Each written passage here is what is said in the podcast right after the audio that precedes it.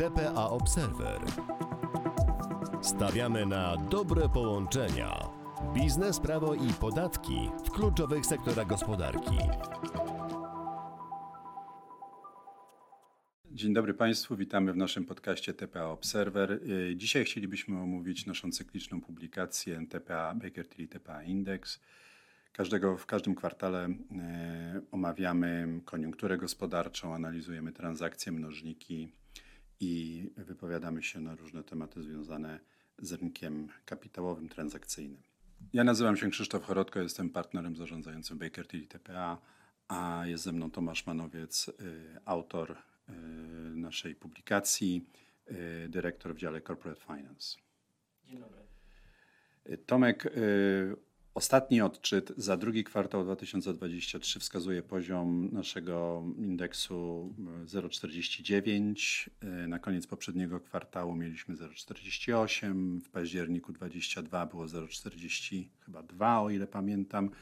Czyli jakby nasze odczyty wskazują na stopniową poprawę, aczkolwiek dostała ona pewnej y, zadyszki. Jak byś to skomentował? Czy może to świadczyć już o tym, że wychodzimy z powiedzmy no, słabszego okresu i zaczynamy wchodzić w strefę takiego normalnego wzrostu, czy też, czy też raczej na przykład ostatnie odczyty PKB za ostatnie dwa kwartały, które były ujemne, jeżeli chodzi o poziom rok do roku, y, wskazują na, na, na to, że możemy mieć do czynienia z jakąś recesją.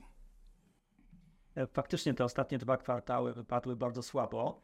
Szczególnie drugi był poniżej oczekiwań, bo jeszcze kilka miesięcy temu mówiło się o wzroście, a ostatecznie skończyło się na ujemnej dynamice rok do roku. Jest to efekt e, bardzo słabej e, koniunktury w przemyśle, jak również w sprzedaży detalicznej, więc łącznie te wszystkie elementy powodują, że dynamika PKB wygląda ogólnie słabo. Natomiast to jest historia. Patrząc w przód, e, spodziewamy się, że faktycznie ta poprawa będzie następować. E, Chociaż nie jest to takie jednoznaczne i oczywiste, bo dane, które spływają już teraz e, w lipcu, w sierpniu po naszej publikacji, wskazują, że e, koniunktura w polskiej gospodarce jest wciąż trudna, a otoczenie wynikające z koniunktury w Unii Europejskiej również nie napawa jakimś wielkim optymizmem. E, No niemniej widzimy stały trend wychodzenia z tego dołka, który zanotowaliśmy jesienią w odczytach wskaźników makroekonomicznych E, i z każdym miesiącem jesteśmy nieco wyżej. Ta dynamika troszkę spowolniła, ale biorąc pod uwagę historyczne cykle, trendy, e, jednak są to takie długotrwałe procesy, więc można się spodziewać, że ta poprawa będzie mm, kontynuowana w kolejnych miesiącach. Choć po ponad półrocznym okresie takiej poprawy może nastąpić jakaś przerwa e, i dopiero na przykład po wakacjach jesienią te wskaźniki mogą e, ulegać dalsz, dalszej poprawie. Rozumiem. Czyli można powiedzieć, że spodziewamy się dalszego obniżania inflacji, prawdopodobnie też redukcji stóp procentowych, co też będzie miało swoje zwierciedlenie z kolei we wskaźniku WIBOR. E, No i powoli powinien się pojawiać wzrost gospodarczy. E, Jeżeli chodzi o ceny energii, widzę, że tutaj planujemy mm, gdzieś tam powiedzmy na podstawie futuresów taki w miarę średni poziom około 600 zł czy 550 zł za E, Megawattogodzinę, tak? Tak, ceny energii się ostatnio ustabilizowały. Yy, Również te oczekiwania co do przyszłych poziomów cenowych są dosyć stabilne i zbliżone do obecnych poziomów. E, Choć duży wpływ będą tu miały oczywiście jakieś decyzje regulacyjne, bo rozważane jest znów e, wprowadzenie limitów cenowych na, na dłuższy okres. Zobaczymy, jak to będzie wyglądać. E, Więc ceny energii na pewno nie są już tak dużym problemem, jak były jeszcze kilka, kilkanaście miesięcy temu. To, co sprzyja gospodarce, to na pewno jest duży optymizm wśród konsumentów. Na razie nie jest to jeszcze widoczne wśród poprzez zakupy e, i poprzez dynamikę sprzedaży detalicznej, ale e, bardzo wysoka dynamika płac, którą obserwujemy na poziomie dwucyfrowym, e, powoduje, że optymizm konsumentów jest większy i, w dłuższym terminie to będzie się przekładać na pewno też na, na popyt konsumpcyjny.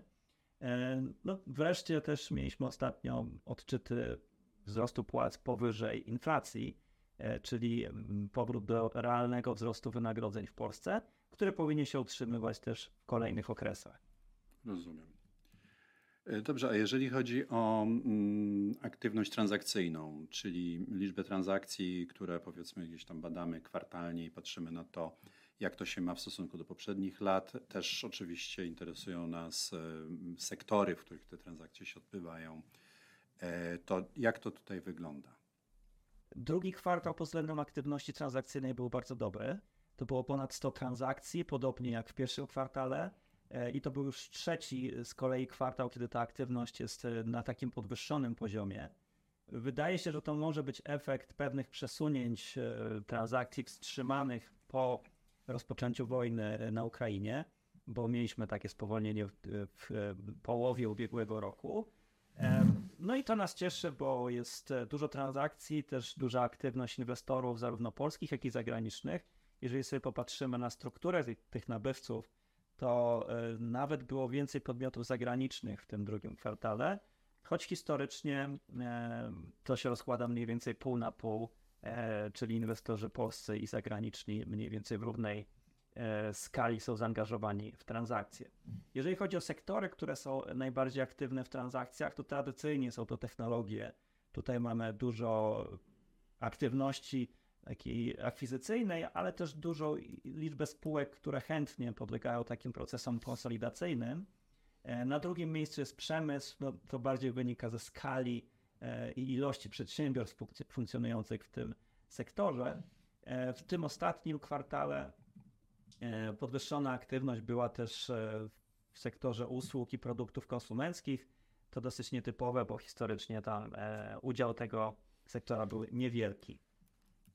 Rozumiem, dziękuję. Czyli e, można powiedzieć, że inwestorzy zagraniczni jakoś nie przestraszyli się ostatecznie wojny w Ukrainie, może przyjęli, przyzwyczaili się już do niej i jakoś nasze, nasz kraj by zaczyna być takim jakby no, bardziej wiarygodny, tak? ponieważ w wcześniejszym okresie mieliśmy do czynienia z pewnym spadkiem, jakby wstrzymaniem czy taką, takim, takim zawahaniem. A właśnie nasza giełda też chyba, chyba zaczyna trochę odbijać, y, znaczy podąża może już do pewnego czasu, tak, to takim pewnym trendem światowym. No była zawsze bardzo mocno do tyłu, tak, troszeczkę teraz nadgania. Mm, jak byś to skomentował? Faktycznie mamy bardzo dobrą koniunkturę na polskiej giełdzie już od około pół roku. Y, ja też zwracałem uwagę na to w swoich publikacjach, że wyceny w tym czasie jesieni, zimy były historycznie niskie. Również ta koniunktura gospodarcza wykazywała symptomy odwrócenia trendów w perspektywie kolejnych miesięcy, co powinno sprzyjać wzrostom i to się materializuje i faktycznie mamy e, wzrosty rzędu 30-40% w ciągu ostatnich kilku miesięcy na tych e, kluczowych polskich indeksach. E, to doprowadziło do takiej normalizacji mnożników wyceny na GPW, no bo one wciąż są historycznie dosyć niskie, ale już nie tak odchylone od długoterminowych poziomów, jak to było jeszcze kilka miesięcy temu. E, w naszej publikacji to jest, zwracamy uwagę, że wciąż polska giełda ma bardzo niskie wyceny w stosunku do e, rynków zagranicznych, e, amerykańskiego czy europejskiego, no ale jest to efekt kilku czynników. Przede wszystkim mamy zupełnie inną strukturę sektorową. Mamy mało spółek technologicznych, które charakteryzują się wysoką wyceną i wysokimi mnożnikami wyceny. Mamy też e, stosunkowo wysokie stopy procentowe, które powodują, że koszt kapitału jest e, na pewno wyższy w złotówce i dla polskich inwestorów niż dla inwestorów w strefie euro lub e, w Stanach Zjednoczonych. No i też perspektywy rozwoju na pewno nie są aż tak dynamiczne w Polsce jak w sektorach, które dominują na tych rynkach zagranicznych. I w związku z tym to, to dyskonto polskiej giełdy zawsze było spore, między 30 a 50% i mniej więcej na takim poziomie ono się znajduje obecnie w, w, po tych ostatnich wzrostach.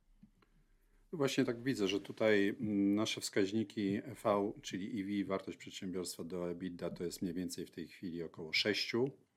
To jest dosyć nisko, tak, no bo to właściwie jest jeden z niższych poziomów, jeżeli patrzymy na odczyty z ostatnich 12-13 lat. E, PIDOI gdzieś tam koło 10. No i, i sprzedaż, y, wartość do sprzedaży około 0,8, tak? To też dosyć historycznie dosyć niski poziom. No jeżeli się patrzy na te wykresy, które tutaj prezentujemy, jeżeli porównujemy giełdy amerykańskie, europejskie i polskie, no to jesteśmy, Amerykanie są zdecydowanie wyżej, później jest Europa, później na końcu jesteśmy my e, ze sporym dyskontem, także myślę, że to w pewien sposób obrazuje e, jednak oczekiwania co do rozwoju gospodarki amerykańskiej w stosunku do europejskiej, mimo tego, że na stopy, stopy procentowe w Stanach są ostatecznie wyższe. Tak. No, na naszym rynku ciąży jeszcze też e, aspekt dużego udziału spółek z udziałem Skarbu Państwa, które mają wpisane w swoją wycenę dodatkowe dyskonto e, ze względu na, na ryzyko pewnych decyzji politycznych. E, natomiast zgadzam się tak, że rynek amerykański jest najwyżej wyceniany.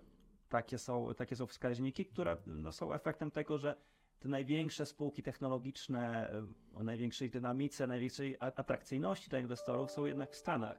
Też ostatnio widziałem, że z 20, taką statystykę, że z 20 największych spółek technologicznych tylko dwie są z Europy, a cała reszta to są e, w zasadzie Amerykanie, więc to pokazuje jaka jest dominacja e, tam, tamtego rynku i stąd też takie wyceny.